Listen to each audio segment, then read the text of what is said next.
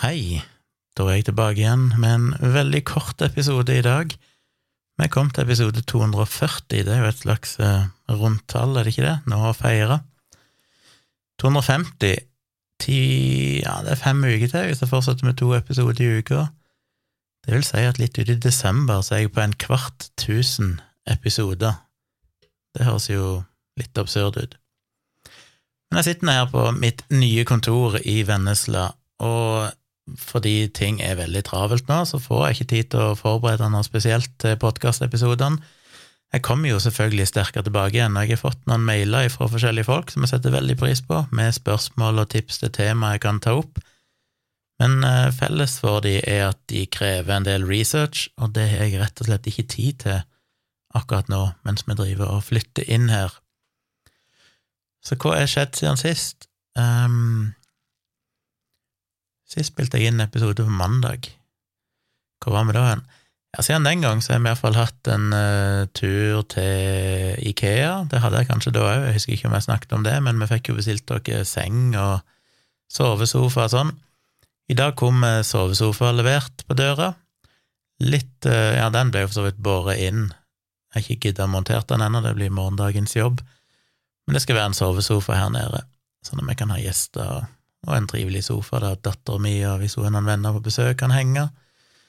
Og så fikk vi kjøleskap her nede, og den var litt morsom, for det, når de leverer kjøleskapet, så må du egentlig betale hvis de skal bære den helt inn. De leverer fram til gårdsplassen gratis, men gårdsplassen her, siden jeg skal ha den i nederste etasje, så er det basically bare tre-fire meter inn ei dør ifra der de kom med varebilen.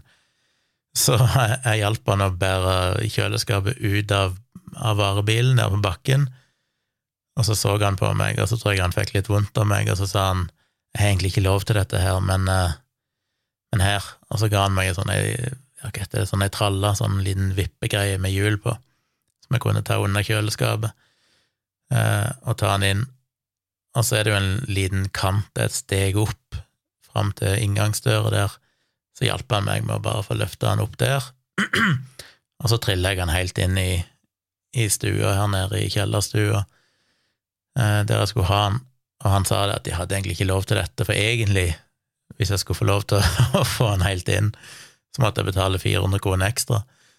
Eh, nå var det jo jeg som gjorde hele jobben, da, men jeg fikk jo lov å låne den der tralla av han.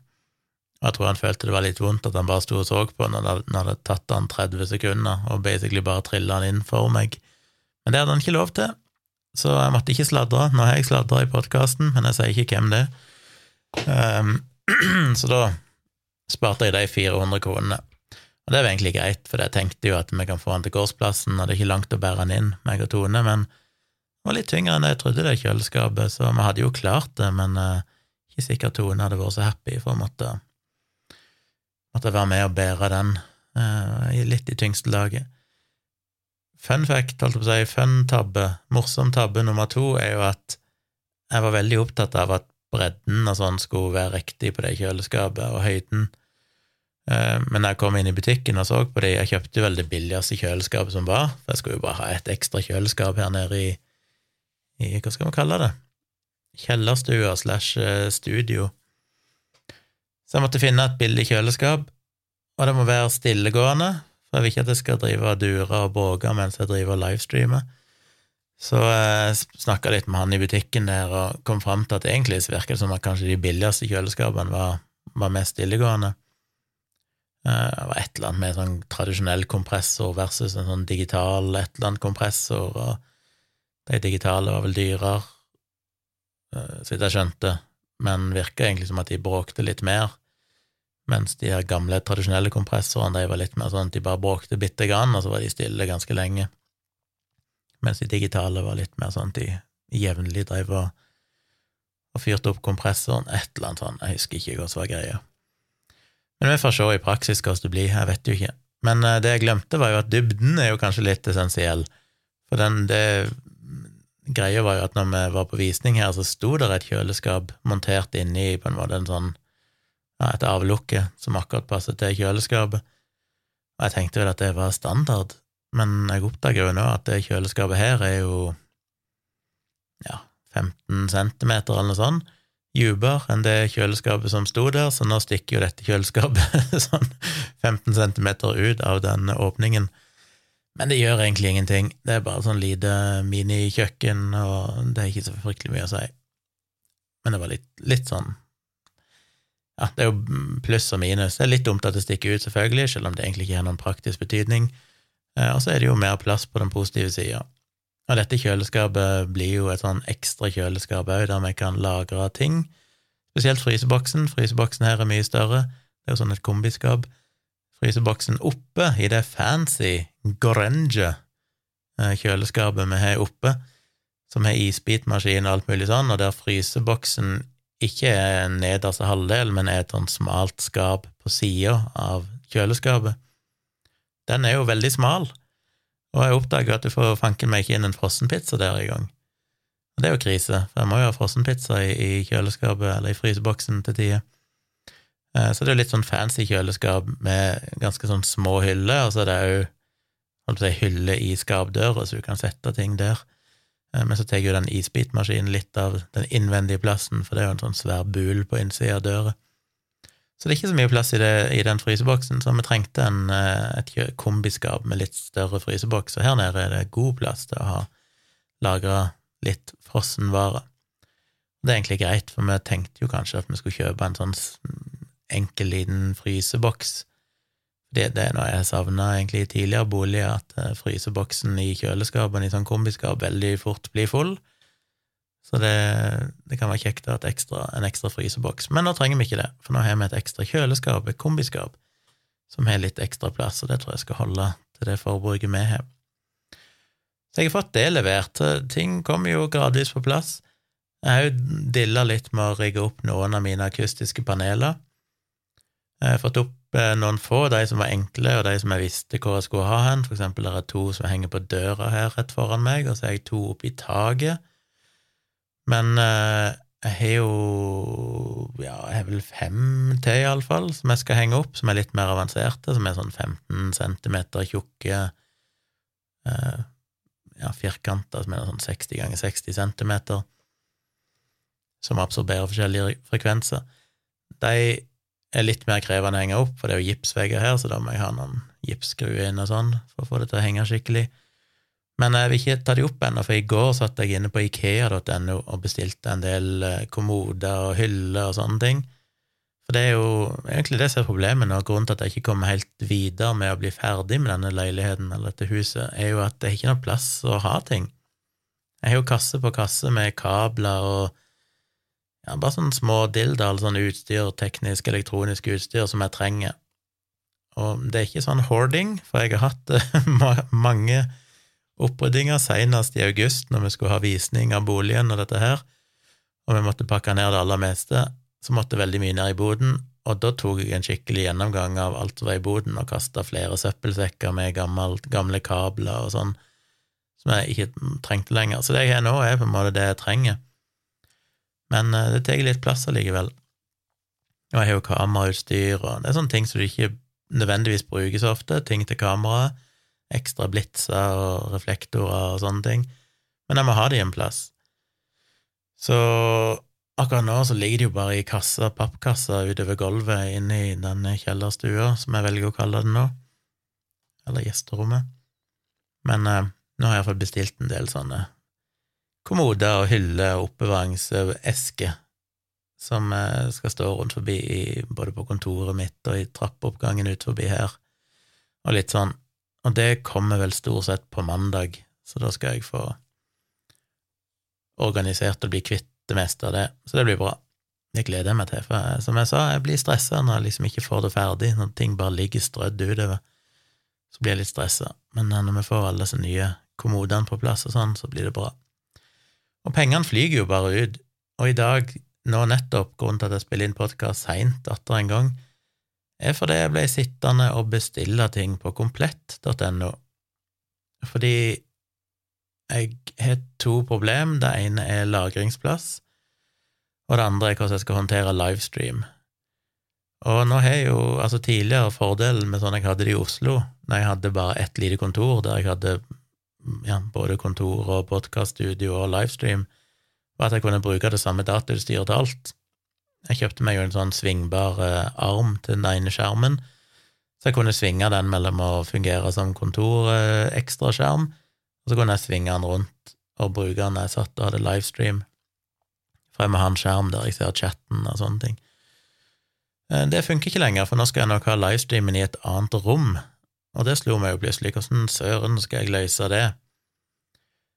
Og så har jeg i tillegg hatt en gammel Mac Mini stående med to eksterne disker som jeg har brukt som en slags lagringsserver. Sånn når jeg redigerer video eller spiller inn podkast og sånn, så spiller jeg det stort sett inn og lagrer det lokalt på Mac-en. Men etter hvert som disken fylles opp, så flytter jeg det over til de eksterne diskene. Så får jeg frigjort noen hundre gigabyte på på interndisk. Og det er noen terabyte med lagring på de eksterne diskene. Men det er litt sånn upraktisk, for de må være kobla til Mac-minien, og så har jeg ikke noen skjerm til den akkurat nå, og da får jeg heller ikke boote den opp, fordi at når du starter den, så må jeg ha en skjerm, så jeg kan få skrevet inn passord og sånn, eh, og det har jeg rett og slett ikke, så akkurat nå får jeg ikke kobla til de eksterne diskene, for de må stå på et annet rom enn kontoret mitt, fordi de suser nå så grevlig, så de må liksom stå på en plass der de ikke bråker. Men jeg har ikke vært fornøyd med den løsningen. Det er jo en litt sånn jalla løsning. Og jeg har lenge hatt lyst til å ha en sånn eh, NAS, Network Attached Storage, altså en sånn egen lagringsserver.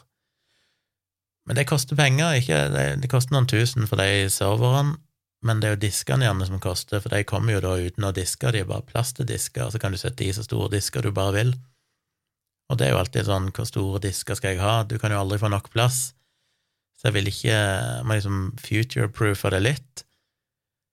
Og ja, det er mye å tenke på. Så jeg så da leste meg opp, og så valgte jeg en sånn Synology-lagringsserver med fire slotter i, altså fire plasser til disker, og endte opp med å kjøpe fire 8 terabyte-disker. Så da har jeg i teorien 32 terabyte med lagring, som bør holde en god stund, for det, tanken er at Tone òg skal få lov å lagre på dem fordi jeg får vondt av at hun hele tiden fyller opp disken sin, og hun lager mye mer video enn meg, så eh, om noen trenger disk, så er det jo mer hun enn meg. Så jeg har valgt å investere i det til begge to. Så hadde jeg jo en elektriker på befaring i dag, for nå har jeg fått meg en Tesla sånn eh, hjemmelader, men jeg må få elektrikeren til å installere den. Så han har vært på befaring her i dag og sett litt på sikringsskapene og sånn, og så kommer jeg inn neste uke og får montert det. Men da skal jeg òg få han til å legge opp noe nettverk, og det er jo sånn med future-proofing. Den Synologyen den støtter jo bare gigabit-nettverk, og det er jo gigabit-fiber, så teknisk sett så, så funker det med en gigabit, og jeg kommer nok ikke til å ha behov for mer, men det er jo dumt å legge nettverkskabler hvis, de, hvis en oppdager Oi, sorry. Om et år at en vil ha 10 gigabit overføring. Så jeg tenker at jeg vil få han til å legge det som heter for CAT6A-kabler, kategori 6-kabler, som støtter gigabit, nei, 10 gigabit overføring, med mindre de kablene er veldig dyre, men jeg regner med det er såpass standard i dag at jeg tipper de ikke er så dyre. Skulle det vise seg å være plutselig veldig dyrt, så kan jeg nøye meg med CAT5 er, det ikke det de heter, de som støtter gigabit? Jeg kommer egentlig ikke til å bruke mer enn det akkurat nå, men, eh, men ja. Så når en får opp det, så får jeg da eh, Kan både meg og Tone, hun er jo kontoret sitt i andre etasje her, men uansett hvor vi sitter hen, så kan vi jo da enkelt lage og hente filer til den lagringsserveren, og den støtter jo òg å synke til clouden, så den skal jeg jo sette opp mot eh, Backblaze, sånn at alt som blir lagra den, blir i tillegg blir lagra offline. Og for nerdene der ute så er jeg veldig usikker på hvilken lagringsteknologi jeg skal bruke skal jeg bruke RAID 5, som gir meg eh, Som gjør at hvis en disk ryker, så kan jeg bare ta ut disken og sette i en ny disk, og så blir alle dataene eh, Er de der fortsatt? For det skal ikke gå inn i hva RAID er, men dere som vet det, dere vet det. Det betyr bare kort sagt at du har en sånn redundans på innholdet. Så har du fire disker igjen, så i praksis blir en av de brukt til å å lagre informasjon om de andre. Det er ikke så enkelt, da, men eh, det gjør at eh, en fjerdedel av plassen forsvinner, egentlig går tapt. Så da får jeg i så fall 24 terabyte i praksis tilgjengelig. Blir ikke det riktig? Jeg tror det. Og så forsvinner 8 terabyte, den der ekstra sikkerheten. Men det betyr at hvis en av diskene ryker, og disker ryker jo, det er jo noe vi som jobber i IT-bransjen, vet. Det er ikke sånn at å, hvis du er uheldig, så ryker en disk. En disk har en viss levetid, og etter før eller senere så ryker den. Og det har vi hatt eh, uheldige erfaringer med i serverrommet vårt, så der vil jeg eh, sikre meg. Samtidig så skal jeg jo speile ting til clouden, så jeg er litt usikker på om jeg skal bare kjøre det som kalles for JBOD, JBOD, som står for Just a Bunch of Disks, som basically bare gjør at alle de fire diskene blir sett på som egentlig bare én stor lagrings... Ja, han samler alle, så de ser ut som bare én gigantisk disk som du kan bare måke inn data på. Men da er det ikke noe ekstra sikkerhet, det er ikke noen sånn speiling eller noe sånt. Eh, så jeg er usikker. Jeg tenker jo at ja, hvis en disk ryker, så skal jeg i teorien ha backup i clouden. På en annen side sett, hvis det er en 8 terabyte disk, så vil det jo ta månedsvis, holdt jeg på å si, å laste ned igjen de 8 terabytene fra eh, skylagringa. Da kan jo Backblaze sende deg disken i posten, men det koster litt penger, det òg. Eh, jeg tror fort det koster et par tusen, skal de sende deg en disk med kopi av dataene dine. Så det er jo litt sånn Samtidig så er ikke de dataene livskritiske for min del. Det er sånn, jeg vil ha en lagringsserver, jeg vil ha en backup, men det er på en måte bare gamle videofiler og podkastepisoder, sånn hvis det skulle gå tapt, så er det litt sånn ja ja, det er ikke noe jeg egentlig trenger, jeg bare liker å ha de. Det er ikke noe sånn driftskritiske ting, så så jeg må tygge litt på det, om jeg skal ofre åtte terabyte for å få den ekstra sikkerheten, eller om jeg skal ha hele heller beholde alle 32 terabytene til lagring, altså heller bare basere meg på at jeg har skylagring i worst case. Få tenke litt på det. Jeg syns det er et vanskelig valg å gjøre, men, eh, men ja. Men det koster penger, så det jeg gjorde, var at jeg bestilte en ekstra dataskjerm, og så har jeg bestilt en sånn svingbar arm til den, så tanken min er at jeg har jo sånne det som kalles for autopoles, som ikke dere ser når dere ser på livestreamen, men på hver side av meg så har jeg en sånn stang som går fra bakken og opp til taket, og de kan jeg da feste lyskastere og kamera og mikrofon og alt mulig. Så tanken er å ha en sånn på sida av meg der jeg fester mikrofonen, eh, ett eller to av disse LED-lysene, en eh, med hvitt lys i ansiktet og en med sånn farga lys på bakgrunnen, og så i tillegg så kan jeg feste den skjermen på en sånn svingarm. Eh, så da vil jeg ha den foran meg, og så har jeg den Mac Minien, som da blir pensjonert som lagringsserver. Den vil da overta som en livestreaming-server, eller maskin, og har den stående på sida av meg med en mus og da har jeg egentlig det jeg trenger til å livestreame. Så det måtte jeg bestille en skjerm og en svingarm, pluss eh, den uh, Synologyen, pluss disker, og så må jeg ha en UPS til dette, fordi hvis strømmen plutselig går, og det er jeg jo litt nervøs for når jeg får den Tesla-laderen, for det blir litt sånn eksperimentering i starten, hvor mye kan jeg pushe dette før sikringen blir overbelasta? Så jeg vil ha en UPS som er sånn batteribackup på den Synologyen, så ikke jeg risikerer at det bare dataen blir korrupte fordi strømmen plutselig går. Så jeg måtte ha en UPS òg, som da holder på strømmen ei stund, og når batteriet begynner å bli går tomt, så kan han automatisk skru av den Synologyen på en skikkelig måte, istedenfor at han bare blir slått rett av fordi strømmen går, sånn at ikke du mister noe data. Så det måtte jeg ha, og så måtte jeg ha litt ekstra minne til den Synologyen for å få litt mer cash og litt mer eh, hastighet på den, og litt sånn. Så det, det ble dyrt. Og jeg får jo litt panikk nå, fordi jeg har kjøpt det, og så skal jeg betale for den senga som kommer snart. Og så har jeg nettopp eh, betalt for det kjøleskapet og sovesofa og pengene flyger ut. Men det er ting jeg eh, må ha for å drive med det jeg gjør. Heldigvis kan jeg jo skrive av dette på skatten, det er jo ting på firmaet, så det gjør jo at jeg eh, i teorien får det billigere. Jeg betaler ikke moms på det, så da kan jeg jo kutte en fjerdedel, og så kan jeg skrive det av på skatten, så jeg sparer litt ekstra igjen der. Så det er ikke så dyrt som jeg, det virker som, holdt jeg på å si, når jeg ser på det jeg betaler. Og så får vi jo oppgjøret fra salg av boligen i Oslo, om et par uker, og da får jeg tilbake litt av de sparepengene som jeg hadde, for nå er jeg litt sånn skrapt. Men ja, alt koster, så eh, jeg må jo bare få eh, oppdrag for å finansiere det her greiene, og da hjelper det jo med litt podkastreklame. Eh, det, det gir noen kroner i kassa. spesielt på Virkelig grusomt, for der eh, har vi jo litt lyttere, faktisk, i motsetning til denne podkasten, forståelig nok, eh, som er mer for veldig spesielt interesserte. Og så er det jo fotooppdrag og sånn. Og nå var det jo litt kult at han ene restauranten, Arakataka, han er jo i utgangspunktet bare bestilt annenhver måned at jeg skal ta bilder, men nå vil han ha en ekstra fotografering i november, så da blir det en ekstra fotosession der. Så ble jeg òg oppringt her for et par dager siden av ei dame, og jeg var jo så uforberedt på det, for jeg har jo denne fotonettsida mi som heter foto.tjomli.com, som dere gjerne må gå inn og kikke på. Der har jeg lagt ut noen av de beste bildene mine, og litt informasjon om tjenestene jeg tilbyr, fotografering og sånn. Men det er jo ingen som oppdager den sida, og jeg har jo ikke egentlig markedsført meg noe sånn generelt sett. Det ligger liksom priser for portrettfotografering og sånn der, men det er jo ikke noe jeg regner med å få noe spesielt liksom tilfeldige bestillinger, med mindre jeg aktivt markedsføre det eller kontakte noen.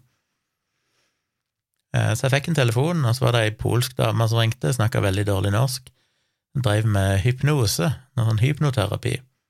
Hun trengte portrettbilde, og så hadde hun bare googla 'fotograf Oslo', og så hadde hun funnet meg og syntes ja, mine bilder var bedre enn alle andre, og likte så godt det, det hun så.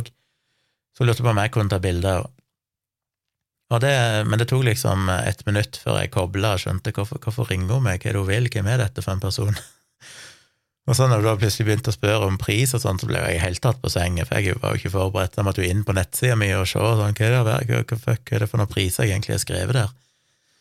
Um, og når jeg så på de, så får jeg selvfølgelig med en gang angst og tenker å, det er jo altfor dyrt, jeg kan ikke si det, jeg tør ikke si det, for jeg, det jo, jeg har jo drevet firma i i over 20 år nå, men jeg sliter jo fortsatt med å si pris til kunder. Syns alltid ting Jeg får alltid vondt av kundene, at de må betale. Syns det blir for dyrt. Så eh, jeg sa jo en pris, det jo, men hun var, hun var altså så merkelig. Hun hadde visst skada beina sine, sant? hun kunne ikke ta bilder på ei stund, for hun måtte først få beina i orden igjen. Og så ville hun egentlig bare ha ett et eller to portrettbilder som hun kunne bruke på nettsida si. Uh, og det er jo egentlig kult. Men så er det jo den klassiske når jeg sier prisen, så begynner hun å lure på om ikke om ikke hun kan få det billigere, da, om jeg, ja, om jeg kan gi henne en veldig god pris, fordi hun kunne da bidra til å markedsføre meg til å få nye kunder. Og det er jo alle fotografers uh, verste mareritt, holdt jeg på å si. Altså, det er jo, det er jo sånn en running joke i fotografmiljøet at alltid for bryllup og sånn, folk som vil ha folk til å ta bryllupsfoto for dem, og så skal de gjøre det billig eller gratis, for at de kjenner så mange som skal gifte seg, og da kan de markedsføre deg til deg, og sånn, og det vil føre til masse eksponering, og dette er så bra, det er win-win. Og i realiteten så er det jo sånn at uh, den type markedsføring betaler jo ingen regninger, for de garanterer jo ingenting om du får noe oppdrag ut av det. Så jeg får se. Så uh, ja, så ville jeg jo at jeg måtte retusjere bildene litt og fjerne noen rynker og sånne ting. Da. Så det kan jo bli et eh, artig oppdrag hvis det blir noe av det. Men eh, jeg tenker jo at eh, jeg, akkurat nå så er jeg jo fortsatt litt sånn at det er fint med referansebilder, så hvis jeg kan gjøre det i sammenheng med et eller annet oppdrag, og hun bare skal ha ett eller to bilder, så kan jeg sikkert gjøre det til en billig penge, så, ja, så har jeg litt mer, litt mer referanser på nettsida mi. Men ja, jeg var ikke helt forberedt på den. Hva mer er det som skjer i livet? Jeg oppdager jo det i dag at uh, vi har jo flytta til Vennesla, som sagt, men jeg har jo knapt vært ute av huset her. Nå har jeg jo vært her siden lørdag, egentlig, da vi kom med flyttelasset, og jeg har egentlig bare vært innendørs her og drevet og fiksa på ting, pakka ut.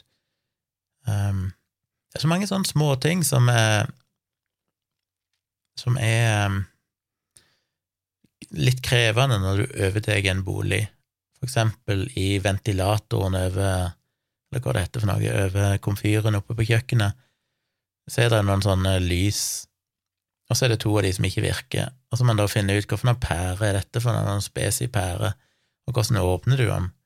Det er jo ikke noen bruksanvisning på noen ting som ligger igjen, som er litt dumt. Men så fant han ut av det, det er jo en innebygd kaffemaskin som drev og maste om at han måtte ha sånn descaling, altså sånn avkalkning. Men igjen, ingen bruksanvisning, og jeg skjønte ikke hvordan jeg skulle gjøre dette, eh, så jeg måtte google, og sto og googla sikkert i en time, for det står ikke noe modellnavn på den heller. Jeg fant riktignok et modellnavn til slutt, når jeg åpna den opp litt, men eh, jeg måtte google det modellnavnet når jeg fant ut hva det var, og så måtte jeg prøve å finne en online manual, og det fant jeg jo på alle slags tysk og russisk og alt mulig sånn, men å finne en som hadde engelsk eller norsk eller noe sånt, det var jo klin umulig. Så eh, jeg sleit lenge, men så fant jeg vel en lignende maskin, og så bare prøvde jeg noe lignende som sto der, og så fikk jeg det til til slutt. Ah, ja, så det, det er liksom mye sånne småting rundt forbi i boligen her. Og igjen, når elektrikeren var her i dag og så på, på strømmen, for det er jo en denne nedre etasjen har jo vært en utleiedel tidligere, så den er eget sikringsskap. Så sa han at hvis det er eget sikringsskap både for denne nedre delen og den øvre delen, så kunne jeg spare noen kroner på å slå dem sammen. Det visste jo ikke jeg, at strømselskapene tar noen avgifter som fort kan bli noen tusen i året, bare for å ha et ekstra måleravlesning og sånn. Så han sa at det kunne jeg jo slå sammen. De kan jo på en måte bare føre strømmen videre fra det ene skapet til det andre. Men så måtte han først bare sjekke litt, og så viser det seg at det muligens er separat strømforsyning inn til disse to nedre etasje og de to øverste, sånn at ikke det gikk allikevel. Men igjen, og det er nok greit nok, um, men det er så rart for meg at det er liksom ingen kartlegging av ting. Dette er jo et bygg som er bygd i 2011, så det er jo relativt sett nytt. Men uh, sammen når de skulle legge fiber inn her, så det, det, er liksom De vet jo ingenting. De må bare rundt og grave og, og kikke og prøve å følge kabler og finne ut hvordan ting henger sammen. Det er så merkelig for meg. At ikke det finnes noen form for dokumentasjon på noen ting som helst, spesielt når det var samme elektrikerfirma som hadde satt dette opp, og samme firmanavnet som sto i sikringsskapet. Merkelig greie. Så han prøvde å finne ut av det, han ble ikke helt jeg tror ikke han helt fant ut av det, men det virka som at det var separat strømforsyning, så da koster jo det litt ekstra, tydeligvis, da, å ha en egen måleravlesning på på skapet nede. Fordelen er jo at vi får litt ekstra kapasitet for det er med 40 ampere-sikringer både oppe og nede, så vi har 80 ampere holdt å si, totalt sett, selv om de er jo separate, da. Men eh, da går ikke strømmen her nede på samme hovedsikringen som der oppe. Og det er jo så vidt greit nok, spesielt når jeg skal ha denne Tesla-laderen og sånn. Men det jeg skulle si, var at jeg har vært inne hele tida, så jeg har jo egentlig ikke hatt tid til å kikke, jeg har kun vært et par turer på butikken Eh, og jeg føler jo det er mørkt hele tida, for det, blir jo så tidlig mørkt at uh, når jeg liksom er ferdig med å jobbe og sånn, så er det jo bare mørkt ute, så jeg skjønner jo ikke knapt hvor jeg er hen. Men i dag så tok vi ikke tid til å hoppe i bilen og bare kjøre en liten runde, og faktisk kjøre inn til Vennesla sentrum, um, og se hva som egentlig fantes av butikker og sånn der. Og det var for så vidt interessant. Så fant vi en monterbutikk, vi gikk inn der, og så kjøpte jeg eh, ja, noen sånne opphenger og litt sånn småting til å få festet disse akustiske panelene mine. Det som er den store utfordringen nå, er at vi trenger en, eh, som jeg nevnte tidligere, en sånn seks meter høy gardintrapp. Det er sant, det må jeg inn på nettet, for det får jeg ikke transportert med hjem sjøl, så det må jeg se om jeg kan få bestilt på nettet, og så får de til å levere den. Men det trenger jeg både for å få satt opp, for det var ikke røykvarsler i øverste etasje, det er muligens, jeg vil jo anta at det egentlig er noe som eh, de som selger, er pålagt å ha, men jeg gidder ikke å krangle på det, det koster jo ingenting for en billig røykvarsler, og jeg vil jo ikke ha en billig røykvarsler. Hvis jeg først skal ha røykvarsler, så vil jeg ha noe litt mer avansert, så i dag kjøpte jeg et sånn uh, sett med en slags uh, hub som du kan koble opp til 50 røykvarslere til trådløst, og som du òg kan installere en mobilapp og få varslinger på. Og det er rett og slett fordi brann er noe av det, det jeg har mest panikk for. Jeg, eh, Tone er jo veldig glad i levende lys. Jeg syns jo det er veldig koselig, men jeg får alltid litt sånn panikk av levende lys. Jeg er så redd for at noen skal glemme å blåse de ut, at noe skal skje. Og det er jo et ganske høyt bygg med tre etasjer, så hvis jeg skulle begynne å brenne nede, og du har en uh, røykvarsler, og vi sitter i tredje etasje som er stue og ser på TV, så er jeg usikker på om vi ville hørt det engang. Så jeg eh, fant ut det var best å ha noe som var serie, eller liksom linka sammen, sånn at hvis det skulle slå ut her nede, så får jeg enten varsling på mobilen, eller så går jo alarmen oppe. Så jeg kjøpte nå det. Men jeg regner vel med at røykvarsleren oppe bør monteres på det høyeste punktet omtrent, ettersom røyken vel stiger oppover. Og det er greit nok i de i de to nederste etasjene, for der er det jo bare flatt tak, men som jeg nevnte tidligere, i øverste etasje så er det sånn skråtak som er seks meter på det høyeste, med sånne høye vinduer som er veldig kult. Men skal jeg komme opp der, så må jeg jo ha ei fuckings høy gardintrapp. I tillegg så er det jo spotta i taket, som jeg nevnte, så de må jeg òg ha en gardintrapp for å kunne gå opp og bytte. Så det er en sånn liten uh, lite aber som jeg må finne ut av. Gardintrapp, det hadde jeg ikke trodd skulle bli et problem. En seks meter høy gardintrapp. Vi har jo en gardintrapp som er sånn halvannen meter høy, men det hjelper fint lite. Så ja, det er mye å styre med. Er det noe mer som har skjedd? Nei, jeg føler bare at pengene raser ut, og det blir liksom aldri ferdig med å få ting på plass. På den positive sida så snakker jeg jo med, med eksen min, som òg driver og flytter her i Kristiansand akkurat nå, hun har kjøpt seg en ny leilighet som må pusses opp en del, må vel ha nytt bad og, og bytte ut noe gulv og litt sånne ting. Og hun begynte jo å For det var en av de når vi så etter boliger i Kristiansand først, så ville vi jo helst ha bolig som hadde noenlunde nytt kjøkken og bad, så vi slapp å bruke penger på å oppgradere det. Men det var én bolig der vi så på som vi tenkte ja, ok, vi kan kanskje bruke noen penger på å oppgradere ene badet, for resten av boligen var så bra. Og da tror jeg vi estimerte sånn Etter å ha snakka med diverse folk, så var det liksom tommelfingerregel at ja, det er sånn 100 000 for å oppgradere et bad. Hun hadde vel funnet ut det nå, at det stemte ikke helt. Hun var vel iallfall oppe i det doble allerede, tror jeg, bare for å pusse opp et bad, ganske sånn basic. Så det slipper vi iallfall i denne boligen. Alt er jo temmelig nytt. Så selv om jeg klager på utgifter, så er det jo mer det at det baller på seg med sånne små ting. Eh, det er ikke de der 100 eh, 000 og 200 000 kroners eh, utgiftene, det er nå endelig godt. Og så håper jeg jo virkelig vi trives her, for at når jeg ser hvor komplisert det er å få flytta ting inn i denne boligen, hvor mye stress det var, som jeg har snakka om tidligere, så har jeg virkelig ikke lyst til å flytte ut igjen med det første. da håper jeg jeg er blitt rik eller et eller annet, så jeg kan bare betale et eller annet uh, skikkelig flytteselskap til å bare si gå inn og bare fikse det for dere, bare, dere får bare løse det på et vis. Det virker alltid så enkelt når du ser uh, folk i filmer flytte i USA og sånn, så virker det bare som at de har noen som kommer og fikser alt for deg. Apropos flytting, så har vi jo sett uh, to skrekkfilmer nå. Den ene var jo Insidious. Uh, jeg nevnte vel sist vi hadde sett den der uh, The Host, eller het den bare Host, som er den der Zoom-pandemifilmen. Og så Og den var jo grei nok, for så vidt, litt artig. Men så måtte vi òg se et par andre på denne topp fem-lista over de mest skumle filmene. Og en av de var jo Insidious, som jeg ser det er kommet masse sånn Insidious 2, altså det er kommet tonnevis av andre, virker det sånn spin-offs, eh, eller etterfølger, eller et eller annet. Men vi så den originale, og den Den var jo ikke skummel. Og det er det som irriterer meg. Det er jo ingen skrekkfilmer som er skumle. Hvorfor klarer de ikke å lage skumle skrekkfilmer? Jeg skjønner det bare ikke.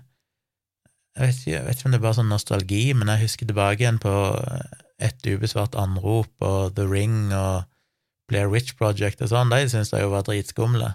Sånn jeg ble helt traumatisert av de. Men alt jeg har sett de siste årene, har jo bare vært sånn ah, dette er jo ikke skummelt. Det skumleste er som regel i første halvdel av filmen.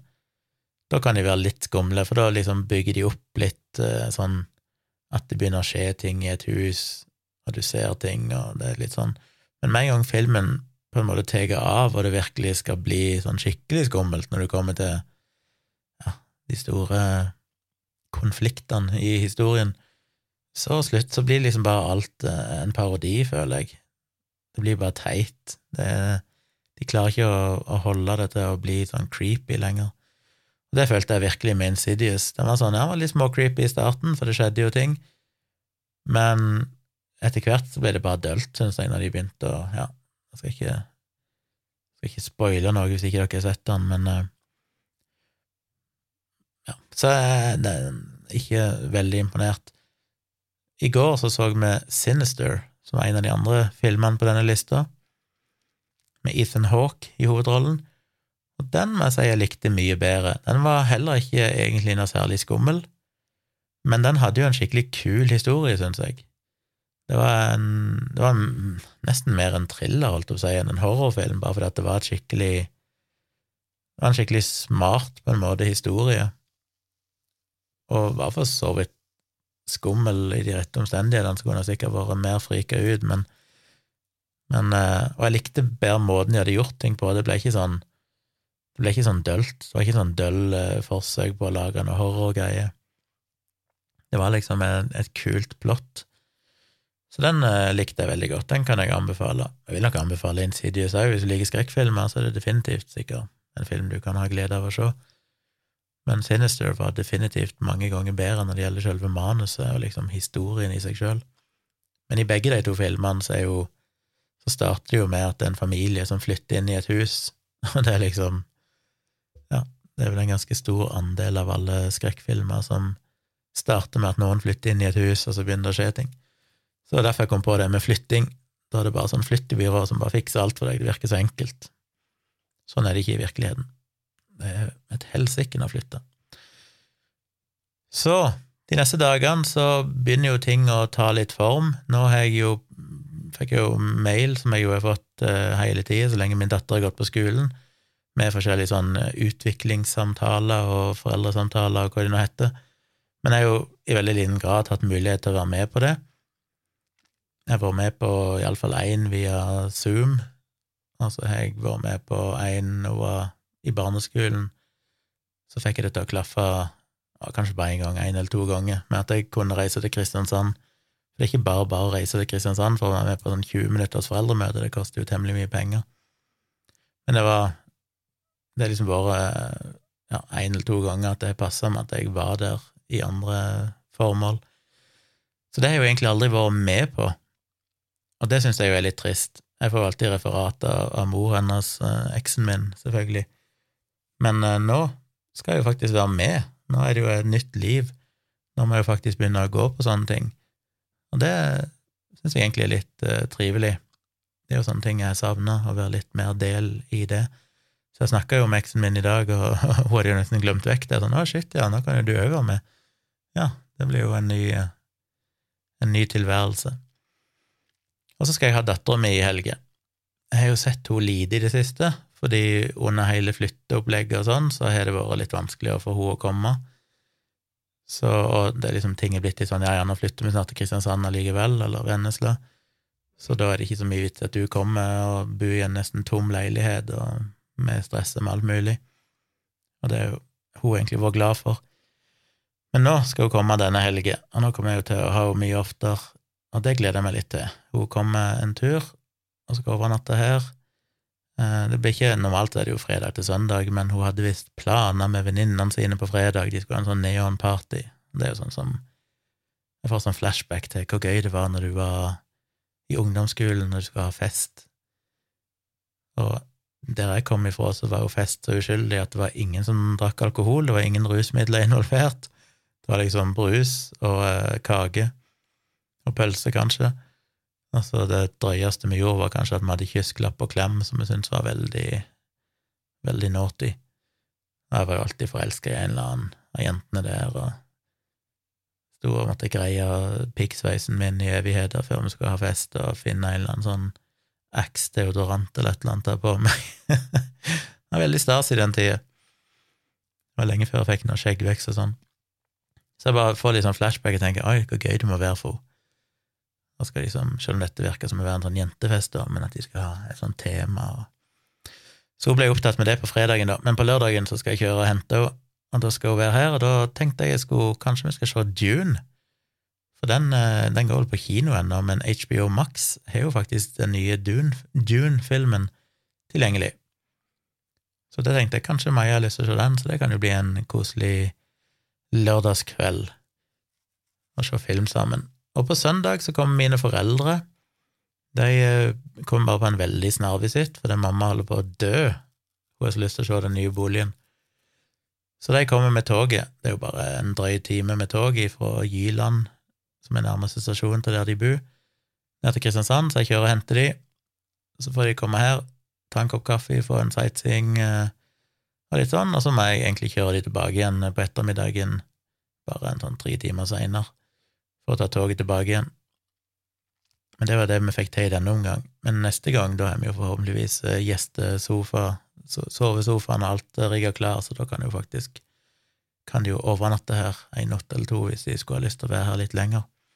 Men nå er det bare en sånn kjapp visitt for å sjekke ut uh, greiene. Og vi hadde jo som sagt en liten sightseeing i dag her i, i området, og da oppdaga jeg jo at uh, det var jo et par, tre, fire kafeer. De har til og med en sushiplass her, uh, som visstnok het Takeaway, eller de hadde sånn, det var sånn Just Eat-klistremerke på utsida. Men jeg fant de ikke i Just Eat-appen, så gudene vet om de egentlig kan levere det. Det var deilig hvis jeg kan bestille hjemlevering av mat av og til, her sushi.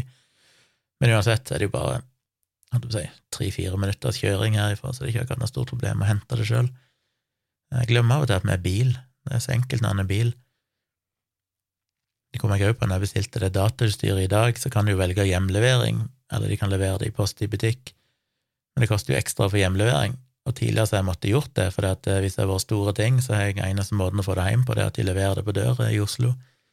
Men nå har jeg jo bil, så nå kan jeg jo levere det hvor som helst, jeg kan kjøre og hente det. Så det blir eh, Det er jo greit. Så det må jeg nok sjekke ut, den sushien der borte, se om den duger. Og ellers er det jo ikke lange veien til Kristiansand heller. Jeg har så dårlig samvittighet på en måte, for Tone hadde jo bursdag her på mandag, nei, tirsdag, eller hva tid det var, eh, 2. november iallfall, og eh, ja, var tirsdagen. Og fordi det var komplett flyttekaos her, så fikk, ble det jo egentlig ikke noe feiring. Det nærmeste seg kom, at jeg var på butikken og kjøpte ei sånn ferdig sjokoladekake av den typen som bare ligger i hylla, som ikke er frossen eller nedkjølt eller noen ting, men sikkert har ei holdbarhet på 17 år, som alltid er morsomt. Men den var jo dritgod. Tone elsker den. Jeg òg syns den var dritgod. Bare sånn enkel, basic, eh, sånn avlang eh, sjokoladekake med litt kokosstrø på. Fantastisk god. Kanskje litt for det med, litt bare fordi vi spiser lite kaker. Jeg har jo knapt spist kake på mange år, så eh, jeg syns den var helt fantastisk. Eh, så jeg kjøpte den, og så noen bursdagslys, så satte på noen lys og tente dem, og så sang jeg Happy Birthday til henne og serverte henne kake, og så så vi film, så det ble en sånn enkel bursdagsfeiring. Men det er jo en skikkelig gave på vei, som jeg nevnte tidligere, og den kommer nå på mandag, tror jeg. Og um, ja, mandag eller tirsdag. Og da må vi prøve å få til en litt mer eh, skikkelig feiring. Kanskje jeg kan få Maja til å passe hunden noen timer, så kan meg og Tone gå på en restaurant og, og gjøre noe mer skikkelig ut av det. Så det, det blir bra. Ja, dette ble etter en dagbokepisode. Jeg håper dere overlever det mens jeg prøver å få ting i, i, gang her. Jeg nevnte jo at skulle, jeg skulle prøve å få til en sånn ærlig talt livestream i kveld, altså fredag kveld. Eh, får se om jeg får til det. Nå, Jeg trodde jo jeg skulle ha kommet lenger og fått rigge opp ting og sånn, men nå får jeg jo ikke det datautstyret jeg trenger til å egentlig gjøre det før på mandag. Så jeg får se. Jeg er vel litt skeptisk eh, til om det blir noen livestream allikevel, dessverre. Men eh, Og neste fredag, da er jeg i Oslo igjen på oppdrag, så da blir det heller ikke. Men kanskje jeg kan få til noe en sånn ekstra ærlig talt på torsdagskvelden eller et eller annet sånt, hvis jeg har fått opp alt utstyret og sånn, bare som jeg kan få gjort det siden det er så lenge siden sist. Så eh, vi får se. Nå fikk jeg iallfall ut denne podkastepisoden, og så blir jo neste uke travel, som jeg nevnte. Skal til Oslo to ganger, både på tirsdag og igjen på fredag. Men så begynner jo ting å normalisere seg, og da skal jeg ha fått på plass kommode og fått rydda alt, og ja, neste uke blir liksom uka der ting skjer. På mandag så får jeg egentlig det aller meste av det jeg trenger til å bli ferdig her inne. Da får jeg alle møblene, og da får jeg datautstyr og sånn, og da kan jeg endelig få, få ting på plass. Og da kan jeg senke skuldrene litt og kose meg litt mer. Må prøve å begynne å gå litt turer her og sånn. Jeg, føler jo som sagt jeg knapt vet hvor jeg bor hen ennå. Jeg vet ikke hva ting heter. Jeg, jeg trodde jo butikkene jeg har gått på, var i Vennesla, men jeg lurer på om det egentlig er Vikeland. Vigeland. Jeg er litt usikker på hvor Vigeland er, eller om de tilhører Vennesla. Men det er liksom motsatt vei i et sånn rundkjøring her nede når du skal til Vennesla sentrum, så Det er flaut å ikke vite hva egentlig plassen heter, hvor jeg er hen. Men en lærer seg vel det etter hvert. Jeg gleder meg litt til å få litt mer tid til å utforske. Og så må jeg jo si, sånn avslutningsvis Det er jo det var, Jeg var ute en tur med hunden i stad, og gikk en kjapp runde her, men det er jo kålmørkt, jeg ser jo ingenting. Men eh, nettopp det at det er så mørkt og kaldt som det var nå i kveld, så så jeg opp på himmelen, og så er det så mye stjerner. Og det glemmer en jo så fort vekk når en bor i Oslo, at du ser jo egentlig ikke stjernehimmelen der på grunn av lysforurensning. Og så kommer jeg her, og så er det blir sånn shit, her går det jo an å gjøre astrofotografering. og så er den der roen, det er så stille. Og jeg vet ikke, jeg bare plutselig fikk jeg litt sånn Ja, det var deilig å bo i Oslo i så mange år. Eh, fordi jeg bodde jo mine første 35 år av livet, minus noen år i Afrika, så bodde jeg jo på Tonstad, der var det jo samme greia, stille og rolig og stjerneklart.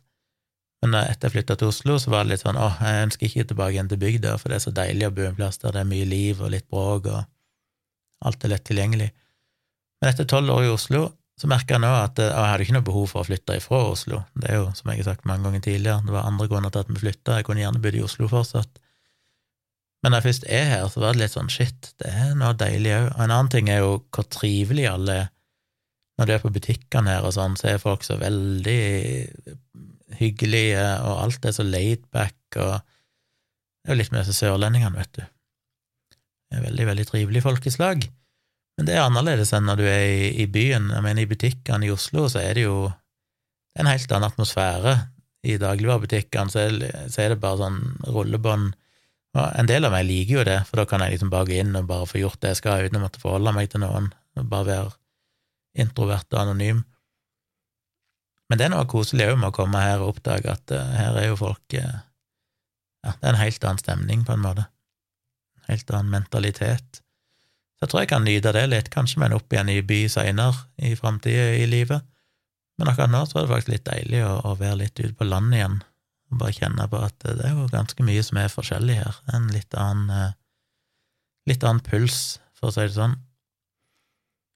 Men ja, det ble dagens episode. Fortsett å sende meg mail på tompratpodkast.gmail.com med alt dere måtte ha av spørsmål, enten det er personlige ting dere lurer på hva jeg mener om, eller om livet mitt, eller om eh, hva mine filosofiske tanker om ting. Jeg syns alltid det er gøy å sitte og filosofere om sånne ting eh, filosofiske dilemmaer eller whatever, eller ting om vitenskap, vaksiner, pandemi, teknologi, ting som jeg interesserer meg for og, og kan litt om. Så fyr løs, send meg mailer. Jeg har som sagt fått en del. Jeg har ikke glemt dere, de er lest. Jeg må bare vente til jeg har tid til å, å, gjøre noe skikkelig ut av det. Så kommer jeg tilbake igjen til det.